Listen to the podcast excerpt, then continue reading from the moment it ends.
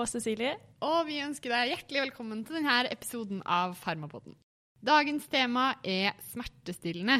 Et tema om problemstilling som har en større eller mindre plass i den kliniske hverdagen til omtrent alle helsepersonell. I tillegg har nok de fleste av oss brukt smertestillende sjøl også. Dagens gjest må kunne betraktes som det nærmeste vi kommer et levende leksikon i forbindelse med dette temaet. Han er nemlig fagansvarlig for emnet smertebehandling i Store norske leksikon. I tillegg jobber han på Ullevål universitetssykehus og er fagansvarlig overlege ved avdeling for ansiologi ved Oslo universitetssykehus. Johan Reder, hjertelig velkommen til Farmapodden. Du skal lære oss masse om smertestillende, men kan du først forklare hva smerte egentlig er? Ja, smerte er definert som en subjektiv opplevelse av enten truende skade på vev i kroppen eller reell skade på vev i kroppen, eller opplevelse som kan beskrives på samme måten. Så det er altså en opplevelse som vanligvis er basert på en nosiseptiv stimulering, som vi kaller det. Stimulering av det som kalles smertebaner. Hva er fysiologien bak smerte? Hvordan er de ulike altså smertekategoriene? og Kan du si litt mer om det? Ja, sånn Den internasjonale eh, Association for Study of Pain, JASP som den heter, eh, har, eh, snakker om nosiseptiv smerte, som er den klassiske smerten. Det at man får et sår, og at det går en impuls inn til ryggmargen og opp til talamus og til cortex, og som oppfattes da som smertefull. Og så snakker de om nevropatisk smerte, som da er smerte som oppstår egentlig i selve nervecellene eller utløperne. Eh, klassisk er jo f.eks. en herpes zoster i en nervecelle, som da gir en sterk smerte, uten å skade noe annet vev. Og så har man en diskusjon gående om man skal også snakke om noe som heter um, hyperdynamisk smerte. Det er faktisk vedtatt at det skal inn som et nytt begrep, men det diskuteres. Og det går på disse, særlig med langvarig smerte, som har en tilstand hvor hele nervesystemet er på en måte ekstra følsomt. Sånn at, uh, at man får mye mer og sterkere smerter av alle ting enn det man ellers ville gjort. Vi har hørt noen begreper innenfor smertefysiologien. og lurte på om du kunne forklare de litt nærmere. Sentisering, hva er det for noe? Det betyr jo at uh, noe som oppleves som en normal middels stimuli, smerte for den saks skyld, uh, oppleves sterkere. At det forsterkes. Uh, og vi er jo laget sånn uh, rent evolusjonsmessig at smerten skal jo være signal på at det er noe som truer kroppen vår. Og hvis vi da ikke gjør noe med det, så blir smerten sterkere. Uh, og det er sensitiseringen i denne forbindelse, da, at vi får en sterkere smerte og etter hvert også en lavere smerteterskel. Hva er grunnen til det? Hvorfor blir det sånn? Det er jo flere, flere, fysiologiske mekanismer. Hvis du tenker deg at du har skåret deg dypt kutt, så, så, er det jo for det første at det blir en betennelse i sårområdet som gjør at såret skal gro. Og den betennelsen skiller ut masse proteiner. Det blir surt, hyperemisk, eh, hovent. og Det bidrar til primær sensitisering på selve stedet. Og så er det faktisk inne i ryggmargen ved synapsen i bakhornet når det kommer stadig smerteimpulser inn, så vil ryggmargen forsterke disse impulsene før de sendes videre. Så Det er det som kalles sekundær sensitisering. Og det gjør også at naboområdene til der hvor smerten sitter, blir sensitisert. Altså det vi snakker om som kaller allodyni. At når man tar ved siden av der man har skåret seg, en par-tre centimeter ved siden av, så kan det også gjøre veldig vondt etter en stund. Og det skyldes denne ryggmargsmekanismen. Så, så, det er de to viktigste stedene. Og så skjer det jo også en slags psykologisk sensitisering da, eh, ved at eh, når signalet kommer opp til hjernen, talamus, så påvirkes det veldig av limbiske strukturer eh, og av angst og forventning og andre ting som gjør at smerten da kan oppleves som sterkere eller smakere. Hyperalgesi, hva vil det si? Det vil i prinsippet si at du har en lavere smerteterskel.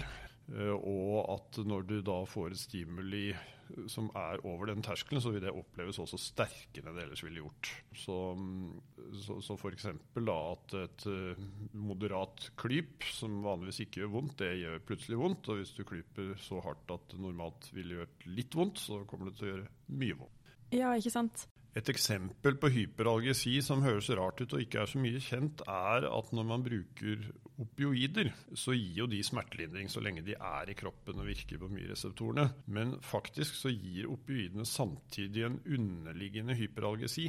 Og den kan komme til syne hvis opioideffekten går fort ut av kroppen. Det ser vi særlig når vi bruker et nytt anestesiopioid som heter remfentanil, som går ut av kroppen på fem-seks minutter. At da kan pasienten faktisk ha en lavere smerteterskel enn de ville hatt hvis vi ikke hadde brukt remfentanil. Eh, og Det er et problem som også de som hva skal vi si, bruker opioider over lang tid, misbrukere får. At i tillegg til toleransen, som gjør at de på en måte trenger mer og mer for å få samme effekt, så får de også en lavere smerteterskel. Eh, som gjør at også andre midler må gis i større doser, og at de, at de lettere får vondt eh, når de slår seg og kommer borti ting. Ja, interessant. Så hyperalgesi vil si at et smertestimuli blir mer smertefullt enn normalt fordi du har lavere smerteterskel? Ja. ja. Mens allodyni vil si at et stimuli som normalt ikke er smertefullt, blir smertefullt likevel? Ja. Ok. Eh, plastisitet er òg et ord vi har hørt om i forbindelse med smertefysiologi. Hva er egentlig det? Nei, det er egentlig ikke noe annet enn at uh, dette er et system som er veldig dynamisk. Det, det, skjer ting hele tiden. Hvis du har pågående smerte, så vil det være prosesser i kroppen som forandrer det som gir smerteopplevelsen. Uh, så, så, det er egentlig bare at det er dynamisk. Man trodde jo egentlig for et par hundre år siden at smerte var en slags sånn plugge en kontaktledning og en lampe som lyser.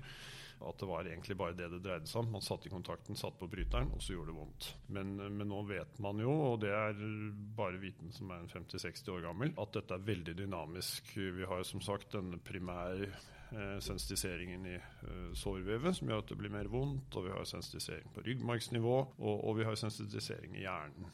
Eh, på hva skal vi si, mer psykomentalt nivå. Så at dette er veldig dynamisk. og Man vet også ved langvarig smerte så vil f.eks. i ryggmargen vil en rekke hvilende celler, gliaceller, plutselig bli til makrofager og, og kunne utskille prostaglandiner og bidra til smerte. Og Vi vet også at uh, man kan forandre DNA-uttrykket i nervene uh, ved langvarig smerte man kan få opioidreseptorer i et betent kne, f.eks.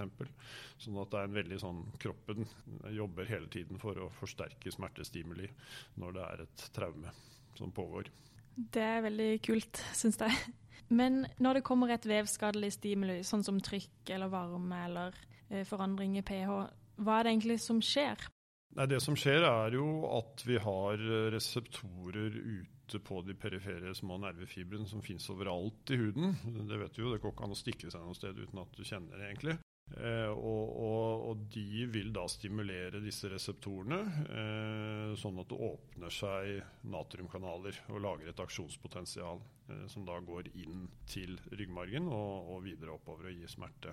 Eh, så det er rett og slett at du har en stimulering av en reseptor som åpner natriumkanalene, genererer et aksjonspotensial som så forplanter seg opp gjennom systemet. Og de stimuliene kan jo, som du sier, det kan være trykk, eh, det kan være kjemiske stimuli, f.eks. iskjemi. Eh, syre er veldig smertefullt, det vet vi også. Hvis du har en turniké på en times tid, så, så, blir det veldig vondt. Det er vondt å ha den der den klemmer, men da blir hele armen vond fordi den blir kjemisk. Eh, og så er det varme, selvfølgelig, og kulde. Uh, og, det rett og slett mekanisk vevskade, at man skader celler og det kommer ut proteiner og prostaglandiner og interleukiner og alle disse tingene.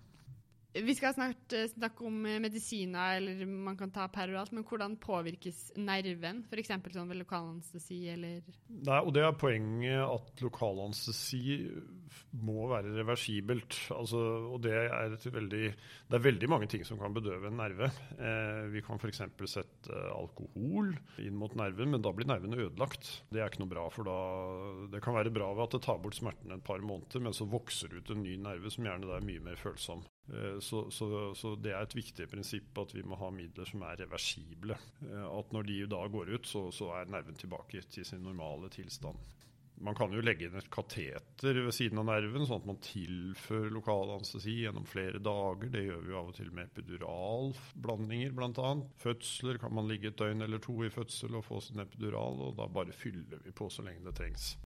Eh, men da er det natriumkanaler du påvirker? Ja, nerveblokader er det prinsipielt natriumkanaler, men akkurat når det gjelder epidural, så er det en litt annen historie. fordi når vi snakker inn mot ryggmargen, så er det veldig mye annet enn natriumkanalene vi også kan spille på. Eh, vi kan spille på opioidreseptorer fordi det er endogent opioid i ryggmargen. Altså kroppen lager sitt eget morfinlignende stoff i ryggmargen som faktisk demper smerten litt. Og, og, og det systemet kan vi hjelpe ved å tilsette et opioid i epiduralblandingen, eller spinal for så vidt også. Og, og, vi kan også hjelpe kroppen via et annet system som er ikke så veldig kjent, og som er litt nytt. Og det er at vi har et system som går fra hjernen og ned til ryggmargens bakhorn. Som normalt hos oss vil dempe smerte noe. Og det systemet er veldig plastisk. Slik at uh, når smerten står en stund, så vil det systemet dempe mindre enn det gjorde før. Og hvis du får forskjellige sykdommer, f.eks. For hvis du har veldig mye vondt et sted i kroppen, så vil det systemet også dempe mindre og kan faktisk gjøre det motsatte, at det stimulerer til smerte. Og det er vist at f.eks. fibromyalgipasienter de har generelt en lavere smerteterskel. De har en veldig dårlig funksjon i dette nedadstigende systemet. Og dette nedadstigende systemet, der er det transmittorene noradrenalin og serotonin som er effektive, som er det som gjør at det dempes smerte i bakhornet. Og den mekanismen kan forsterke da ved å gi noe som gjør at det blir mer noradrenalin. F.eks. noe som hemmer opptaket av det noradrenalin som frisettes. Det er prinsippet bl.a. bak smertelindringen til antidepressiva, sånn som amitriptylin. Eh, deler av effekten til tramadol og tapentadol. De er også opioider, men de har også denne noradrenalin-reopptakshemmingen i seg. Eh, og Man kan også stimulere hjelpe dette systemet og tilsette adrenalin i epiduralblandingen, eller tilsette for så vidt eh, klonidin, som også har en sånn alfa-2-stimulerende effekt.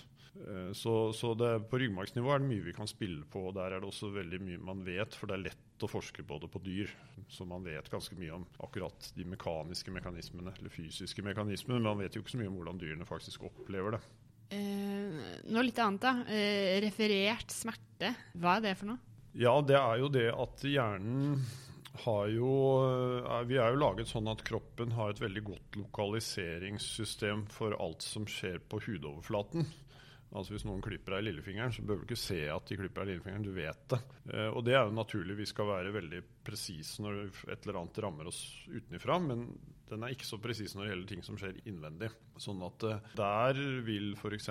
da man har smerte knyttet til buken, så, så, vil de gå inn til ryggmargen, og der vil de spres litt diffust, og av og til vil de kunne oppfattes som de kommer for skulderen f.eks. Det er typisk når man gjør sånn kikkhullskirurgi i buken og blåser opp for å operere, så, så vil pasienten ofte klage at de har vondt i skuldrene etterpå. Klassisk eksempel er jo også hjerteinfarkt. ikke sant? At hjertet, Man har ikke vondt da der hvor hjertet er. Eh, men man har vondt uti armen. Og det er fordi ryggmargen, Når du kommer inn til ryggmargen, så spres det litt diffust. Eh, kroppen er ikke egentlig laget for å være så presis i lokaliseringen. Og, og, det er jo interessant at f.eks. inni hjernen er det jo ikke smertefibre. Og, og, og, det er jo eh, Hvis man tenker seg om Man har hørt om folk som har fått slag. Og det starter jo med at de får lammelser og blir bevisstløse. Men det er veldig, veldig sjelden at de faktisk har vondt. Men det er jo faktisk da vev i hjernen som blir iskjemisk og dør. Og hadde det skjedd i en muskel, så hadde det gjort kjempevondt. Så skjer det i hjertet, gjør det vondt. Stort sett, ikke alltid. Eh, og det blir jo igjen indre organer er ikke så pålitelig, men skjer det på utsiden, så vil det alltid gjøre vondt, og vi kan lokalisere smerten. Ja, for er det ikke sånn at uh, viserale smerter er ofte assosiert med kraftig autonom respons? Sånn at du gjerne kan liksom mm. se at man er kaldsvett eller uh... Jo da, og det for det, det, går jo impulser inn til ryggmargen, og, og som du sier, så, så, vil da ofte det autonome kunne dominere. Eh, helt at de blir blek og kvalsvette og bradikard. Og av og til også at fysiologien dominerer. Vi har jo eksempler på pasienter som får f.eks. infarkter i tarmen etter skader, eh, som egentlig ikke har så vondt. Men, men, grunnen til at man ser det, er at man ser at her stiger laktat i blodet. Det er et eller annet vev som er i ferd med å dø her, og som sliter med å få oksygenert cellene sine. Eh, og så tar man en CT og, og, gjør sin klinikk og, kanskje til og med må gå inn og kikke, og så er tarmen helt svart uten at pasienten nødvendigvis har hatt så mye vondt. Og i hvert fall ikke har kunnet lokalisere noe annet enn at det er litt sånn uvel og det er litt stramt overalt. Mm. Ja, så vi kan konkludere med at det ikke er nok å spørre om pasienten har vondt. Du må altså ta litt, kanskje både blodprøver og, og litt målinger av de. Absolutt, eh, men smerte er jo et veldig viktig symptom. Eh, så, så, men, men, men, det er jo Vi skal jo bruke, og det er jo derfor vi, vi, har denne brede utdannelsen vår, vi skal bruke alt det vi kan om kroppen. Når vi, vi nærmer oss en syk pasient, så smerte er jo en del av det. Og så kommer de andre tingene, fysiologien og anatomien og sånn i tillegg. Ja, ikke sant. Eh, vi går litt videre på selve medikamentell behandling mot smerte. Og det er jo det som er fokus her i dag, selv om vi ikke skal glemme andre teknikker for å behandle smerte, f.eks. kognitivt eller fysikalsk behandling eller tilpassa trening. Eh, og dette kan man jo gjøre alene eller i kombinasjon med medikamentet. Men vi husker når du underviste oss om smertestillende, så presenterte du smertetrappa, og den likte vi veldig godt. Kan du fortelle litt hva denne går ut på? Ja, den ble jo i sin tid laget av WHO som et sånt litt enkelt pedagogisk verktøy, og den er litt diskutert, bl.a. hva som skal være på de forskjellige trinnene, og, og hvilken rekkefølge det skal ha. Men, men, prinsippet er for så vidt veldig pedagogisk bra. At du starter på nederste trinn med de hva skal vi si, eh, midlene som ikke er så veldig sterke smertelindrende, men som også da har lite bivirkninger og ikke er så farlige, enkle å få tak i. Og så, når du da går videre, så skal du supplere med nye ting. Du skal ikke bytte. Du skal tenke at hvis det ikke er nok med det ett enkelt middel, så trenger vi to midler. Og så skal man gå videre tre og fire og fem. Så nå, nå er det mange som også bruker begrepet multimodalt. brukes mer Det er eh, litt forskjellig fra tenkingen i annen medisin, hvor man jo gjerne sier at hvis vi kan få ned blodtrykket med én medisin, så vil vi, vil vi, absolutt det. Eller bruke ett smalt antibiotika. Vi vil ikke blande inn for mye. Da blir det for mye bivirkninger og uklart hva som virker og ikke virker. I smerte er det litt motsatt, fordi de aller fleste ikke-opioide smertestillende middelene er ikke fullgode. De gir ikke så veldig kraftig effekt. Så har man sterk smerte, så er det ikke nok å gi ett av disse midlene, man må gi flere sammen. Og, og, og, det går litt på også fordi de virker på forskjellige nivåer og forskjellige mekanismer, så man får en synergi, da. Um, og Da starter man som sagt med de mest uskyldige og enkle, og så legger man på med de som kanskje har litt mer bivirkninger. Og så, så er jo opioider og blokader og epidural og sånne ting liksom øverste trinnet, da, som er mer ressurskrevende. Og uh, også behandling som potensielt har større farer, bivirkninger. Mm. Eh, vi husker jo at du tegna opp en sånn visuell trapp for oss, eh, mm. men det blir jo ikke så enkelt i dette formatet. Men vi får prøve å lage en audiell illustrasjon. Vi starter på bunnen av trappa, og hva er det vi finner i det første trinnet? Nei, Tradisjonelt så er jo det paracetamol, egentlig, eh, Norge, norsk tradisjon i dag. Og det er et greit sted å starte. Paracetamol har veldig lite bivirkninger så lenge man ikke gir for mye av det. Eh, det er faktisk et litt skummelt medikament, for du skal ikke mer opp i tre-fire ganger vanlig dose. Så, så, kan det gi alvorlig leverskade, som i verste fall kan gjøre at leveren må transplanteres. Men, eh, men bortsett fra det så er det veldig lite bivirkninger med normalt dosert paracetamol. Og, og, det har en ganske god smertelindrende effekt. Men det må brukes i litt større doser enn det som ofte står på pakningen. fordi siden det er et håndkjøpspreparat, så er, det, er, man veldig forsiktig med hva man skriver. Så, så, en grei regel, i hvert fall når vi som leger skal eh, anbefale det til folk vi kan stole på, så, så skal vi gå litt høyere i dose. Hvor høyt da? Vi sier at til vanlig voksen så, så, skal man faktisk starte med to gram per oss, og så fortsette med ett gram fire ganger daglig. Eller tilsvarende, man kan fordele på annen måte. Og um, det kan man godt gjøre noen dager i hvert fall, og så bør man kanskje gå ned til 750 ganger 4 eller 1 gram ganger 3 eller noe sånt. Eh, det er vel å merke da at man ikke har noe leversykdom eller annen ting som påvirker leveren, som mye alkohol, eh, eller at man er alkoholiker eller har leversykdom, eller er veldig gammel, over 60-70 år, eller klart hvis man også er liten av vekt, så bør man også gå litt ned i dose. Og på barn så har vi faktisk den regelen at barn under 20 kg, så sier vi at de tåler inntil 100 mg per kilo i døgnet de første dagene. Eh, og det høres mye ut. Eh, det vil jo si to gram da, til en 20 eh, kilos femåring. Men det kan man faktisk gjøre. Altså et halvt gram ganger fire, f.eks. Men paracetamol Intox er jo ikke en veldig sjelden innleggelsesårsak. Når er man mm. egentlig redd for et sånt reelt Intox? Gitt at personen er frisk, da, sånn ikke har noen leversykdom eller noe? Du skal ikke så veldig høyt. Det er et eksempel for eksempel at bare pasienten har misforstått f.eks. dette med ett gram ganger fire. Og så har man kanskje i parentes skrevet fire ganger om dagen. Eh, og så har det vært noen som har trodd at det betyr jeg skal ta fire tabletter fire ganger om dagen. Og det er, det er nok til at du kommer opp i intox-doser. Så det er ikke mer enn altså tre-fire ganger. Så, så, er, du, er alvor, leveren alvorlig truet. Ja, ikke sant. Um, på bunnen så finner vi kanskje òg NSIDES. Ja, den, den, mange vil ha den på første trinn, eller i hvert fall på trinn nummer to. Uh, NSIDES gir noe bedre smertelindring enn paracetamol i de fleste sammenlignende studier, men har også litt mer bivirkninger. Så noen vil si at man kan godt starte med et NSIDE, eller man kan starte med paracetamol og supplere med et NSIDE. Eh, så vår rutine på akutte smerter er stort sett at alle får det vi kaller en grunnsmøring av både paracetamol og NSIDE i bånn. Det får de alltid hvis det ikke er noen kontraindikasjon. Og så supplerer man med andre ting utover det etter behov. Ja. Hva er det egentlig som er virkningsmekanismen bak at Paracet og NSIDES gir smertestilling? Paracet er faktisk, vet man ikke 100% hva som er hovedeffekten. Man vet at det har effekter i sentralnervesystemet uten at det påvirker noe kognitivt. Man blir ikke noe trøtt eller sløv av det, men, men det har effekter i sentralnervesystemet. Det har kanskje effekter litt på noe som heter NMDA-mekanismer, som går både sentralt og ryggmargen. Og det virker også litt via syklohoksygenase indirekte. Det er en blandet eh, mekanisme eh, som man ikke helt har kartlagt. Enside er litt enklere, for der mener man i hvert fall at man vet hovedmekanismen. Og det er jo da at det hemmer prostaglandinsyntese ut i vevene. Og i vevene er både der hvor det såret eller smerten kommer fra, men også på ryggmargsnivå i hjernen. For det produseres også prostaglandin i ryggmargen og hjernen når man har vondt. Og, og, og virker også der, da, og hemmer der. Men det hemmer jo da også enside andre steder. Eller det hemmer altså prostaglandiner andre steder, unnskyld. Eh, og, og, og, det gir jo da bivirkningene eh, knyttet til enside. Ja, ikke sant? For det er jo COX-enzymene det her virker på. Og da har vi jo COX1 og 2 i hvert fall, og kanskje også 3. Men hva er forskjellen på 1 og 2, da, som kanskje er det viktigste?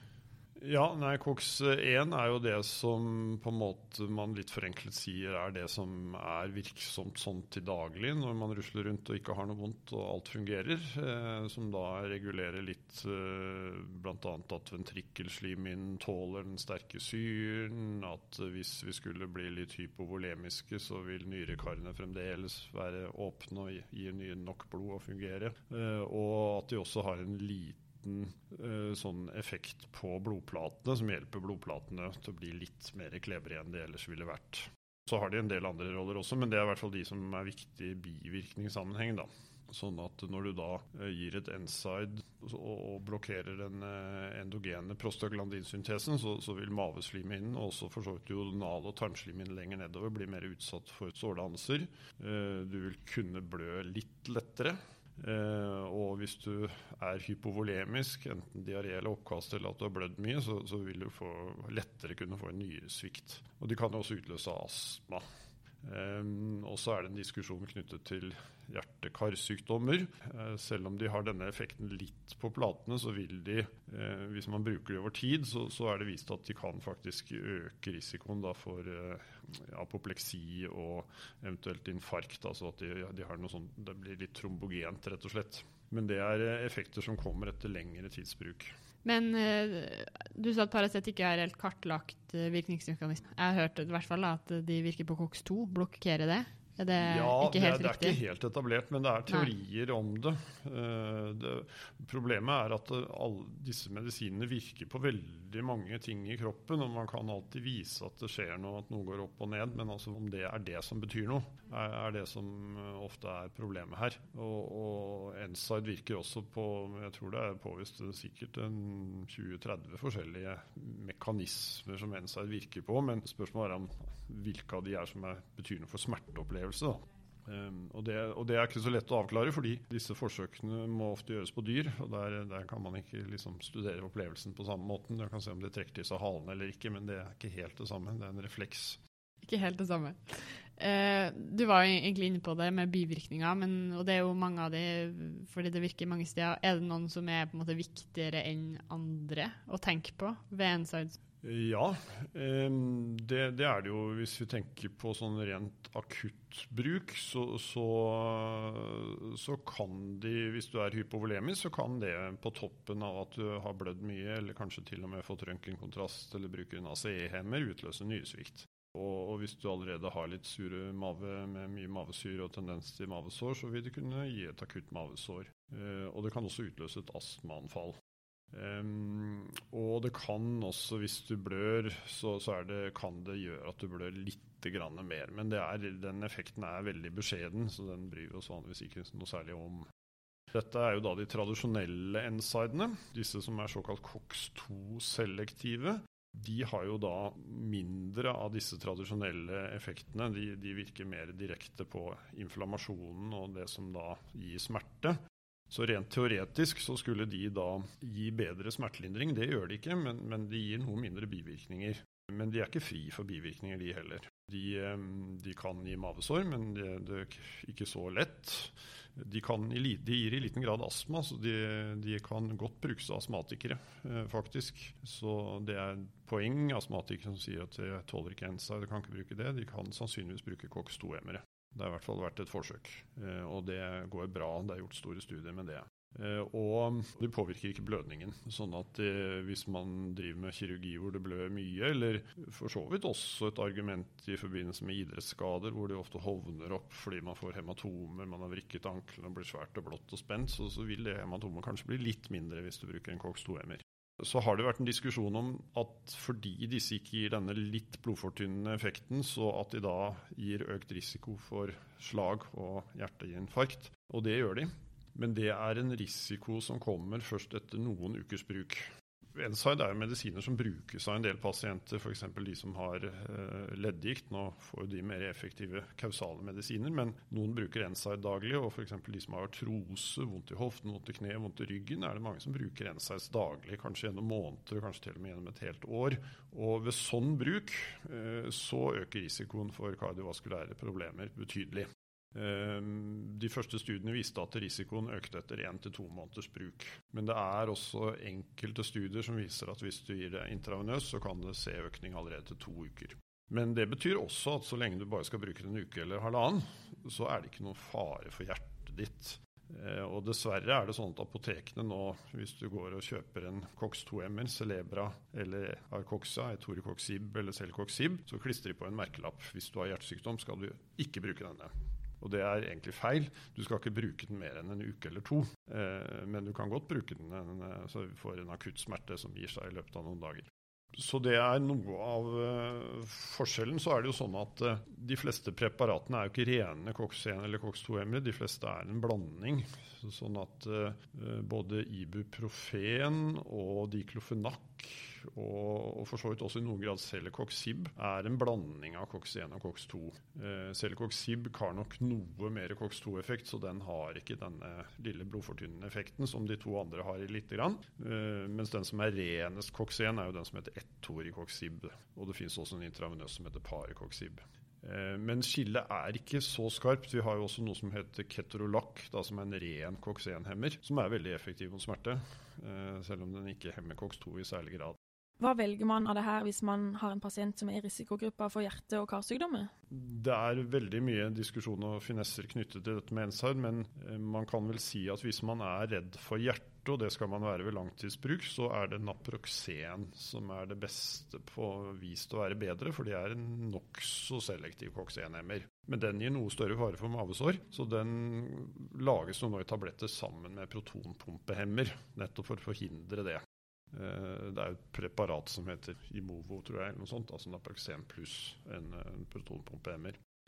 så det er én måte å komme rundt det på. En annen måte er jo at hvis det er kortvarig smerte, så vil man da kanskje velge en Cox 2-MR. Ja, ikke sant. Kan man helt sånn kort da med bivirkninga si at du får Paracetamol, så er det først og fremst lever, eh, og så er det litt eh, mer, man måtte litt bredere både på tarm og hjerte og sånn ved, ved insides, men mest ved langvarig bruk, da.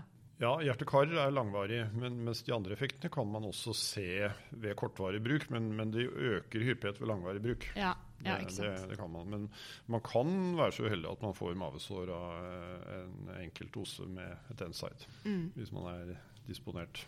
Ja. Ja, det er vel noe med gena også oppi alt det her som kompliserer det litt.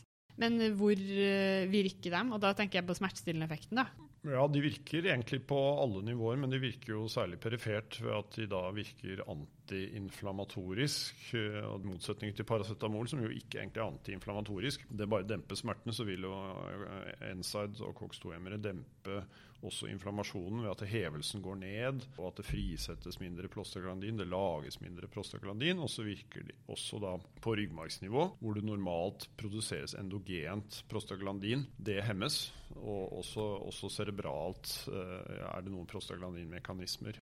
Um, og det er jo da En av de bivirkningene som diskuteres, er jo nettopp fordi det demmer inflammasjonen, kan det dempe inflammasjonen så mye at såret ikke gror. Uh, og den diskusjonen den er aktuell eh, når det gjelder sånn non-union i ortopedi. Hvis man har veldig vanskelige frakturer som man i utgangspunktet er usikker på kommer til å gro, dårlig blodtilførsel, storrøyker, eh, risikofaktorer så kan det da å legge NSAID på toppen av det kanskje være uheldig. Så det er visse restriksjoner på enkelte ortopediske pasienter for å bruke NSAID. Uh, og så har det også vist at uh, hvis man bruker ensa i hvert fall over noe tid ved, ved f.eks. kolonsykdommer, så kan det gjøre at når du da opererer tykktarmen og skal lage anstomoser, at de anstomosene gror dårligere, eventuelt sprekker. Så det er, en, det, er en, det er akkurat de to litt spesielle områdene knyttet til visse typer ortopedisk kirurgi og kolonkirurgi. Eh, for øvrig så ser man ikke at man får noe mer infeksjoner av NSAID, eller at sårene gror dårligere eller noe sånt. Det, det, gjør man ikke med vanlig bruk, vanlige doser. Mm, mm. Mange går jo også på blodfortynnende. Er det farlig å bruke sammen med Paracet Øybux? Du får en liten tilleggseffekt uh, hvis du bruker da en tradisjonell NSIDE. Dvs. Si altså alle NSAIDs egentlig unntatt av etorikoxib og celecoxib. Så blir det en liten tilleggseffekt av blodfortynnende type. Og det betyr ikke noe i praksis, men kan bety noe hvis du skal inn og opereres f.eks. Eller skal ha en epiduralbedøvelse hvor vi er redd for å kunne lage en liten blødning. At den da kan bli større og være farlig. Så det er viktig å ta med seg i totalvurderingen da, hvis man er redd for blødning hos en pasient. Du har egentlig kanskje svart på det, men jeg i hvert fall får et sånt veldig standard spørsmål hvis man har vondt og ikke går til legen. Hva skal man ta? Paracet eller Ibux? avhenger litt av hvor vondt det er. Jeg, jeg, tror jeg vil, hvis det ikke er knallvondt så, så, og veldig hovent og liksom betent, så, så, tror jeg jeg ville starte med Paracet. Og hvis ikke det hjelper, så ville jeg vært nokså rask med å supplere med et Enside. Bruke begge to sammen. Eh, og, og, gjerne gå litt opp i dose da i forhold til det som uh, står på pakken, hvis man har kjøpt den på bensinstasjonen. Men mm. man kan jo gå inn på nettet egentlig og se hva som står i felleskatalogen. Der, uh, der er dosene litt mer korrekte. Ok, ja. Så man kan tåle å legge på litt? Du sa jo tidligere at eh, leversvikt var den viktigste bivirkninga av Paracet. Men hva er egentlig mekanismen bak at Paracet kan gi leversvikt? Eh, det er jo det at Paracet brytes ned i leveren. Og det er litt forskjellige nedbrytningsmekanismer. og Hvis leveren er skadet eller opptatt med å bryte ned andre ting, så så, så, dannes det mer toksiske metabolitter, kort fortalt. Og det kan da påvirkes eh, ved å, å gi eh, acetylcystin, som da stimulerer til at paracetamolet brytes ned på riktig måte. Som gjør at man da beskytter leveren i noe større grad. Og, og det er klart Hvis man allerede har mye alkohol innabords, eller har en lever som jobber dårlig, er skadet alkoholisme eller cirrose eller hepatitt for den saks skyld, så øker faren for at det dannes mye av den toksiske metabolitten. Ja, jeg skjønner. Eh, og det er viktig da, hvis man har mistanke om at det har skjedd en overdosering, at man kommer fort til behandling. For da, da må man ta et paracetamolspeil i blodet. Og så kan man da beregne seg til litt faren for forskjellige komplikasjoner, og også hva man skal gjøre i forhold til acetylcystin. Eventuelt dialyse kan også være aktuelt. Mm. Så forsiktighetsreglene ved Paracet er egentlig kjent leversykdom og kanskje alkoholikere? Ja. Mm. Og, og, selvfølgelig for stor dose. Som sagt, er, eh, Man skal ha respekt for det at eh, i motsetning til en del andre medikamenter, så blir paracetamol plutselig veldig farlig. For alle, egentlig, når dosen kommer litt høyt. Ja. Mm. Vi kan oppsummere de to første trinnene i trappa. Paracetamol og Ibux. De to har man stort sett alltid i bunnen ved all smertelindring, og så legger man til andre medikamenter etter behov. Paracetamol er førstetrinnet stort sett alltid. Det har virkning lokalt i CNS og gir derfor ikke en betennelsesdempende effekt, sånn som NSIDES. Virkninga til paracetamol er ikke helt klarlagt, men det er en teori om at det bl.a. virker ved å hemme COX-2. Paracetamol kan bli levertoksisk i for høye doser, og man må bruke det med forsiktighet hos pasienter med stort alkoholforbruk eller leversykdom. NSAIDs hemmer COX1 og 2, som uttrykkes både i vevet og i CNS, og gir dermed redusert syntese av prostaglandina. Vi har uselektive som hemmer COX1 og COX2, og selektive, også kalt COXIBA, som kun hemmer COX2. COX1 er til stede i flere vev hele tida, bl.a. mage-tarm, hjerte og lunger, og man må derfor være obs på en rekke bivirkninger, mer eh, enn ved bruk av koksiba og paracetamol.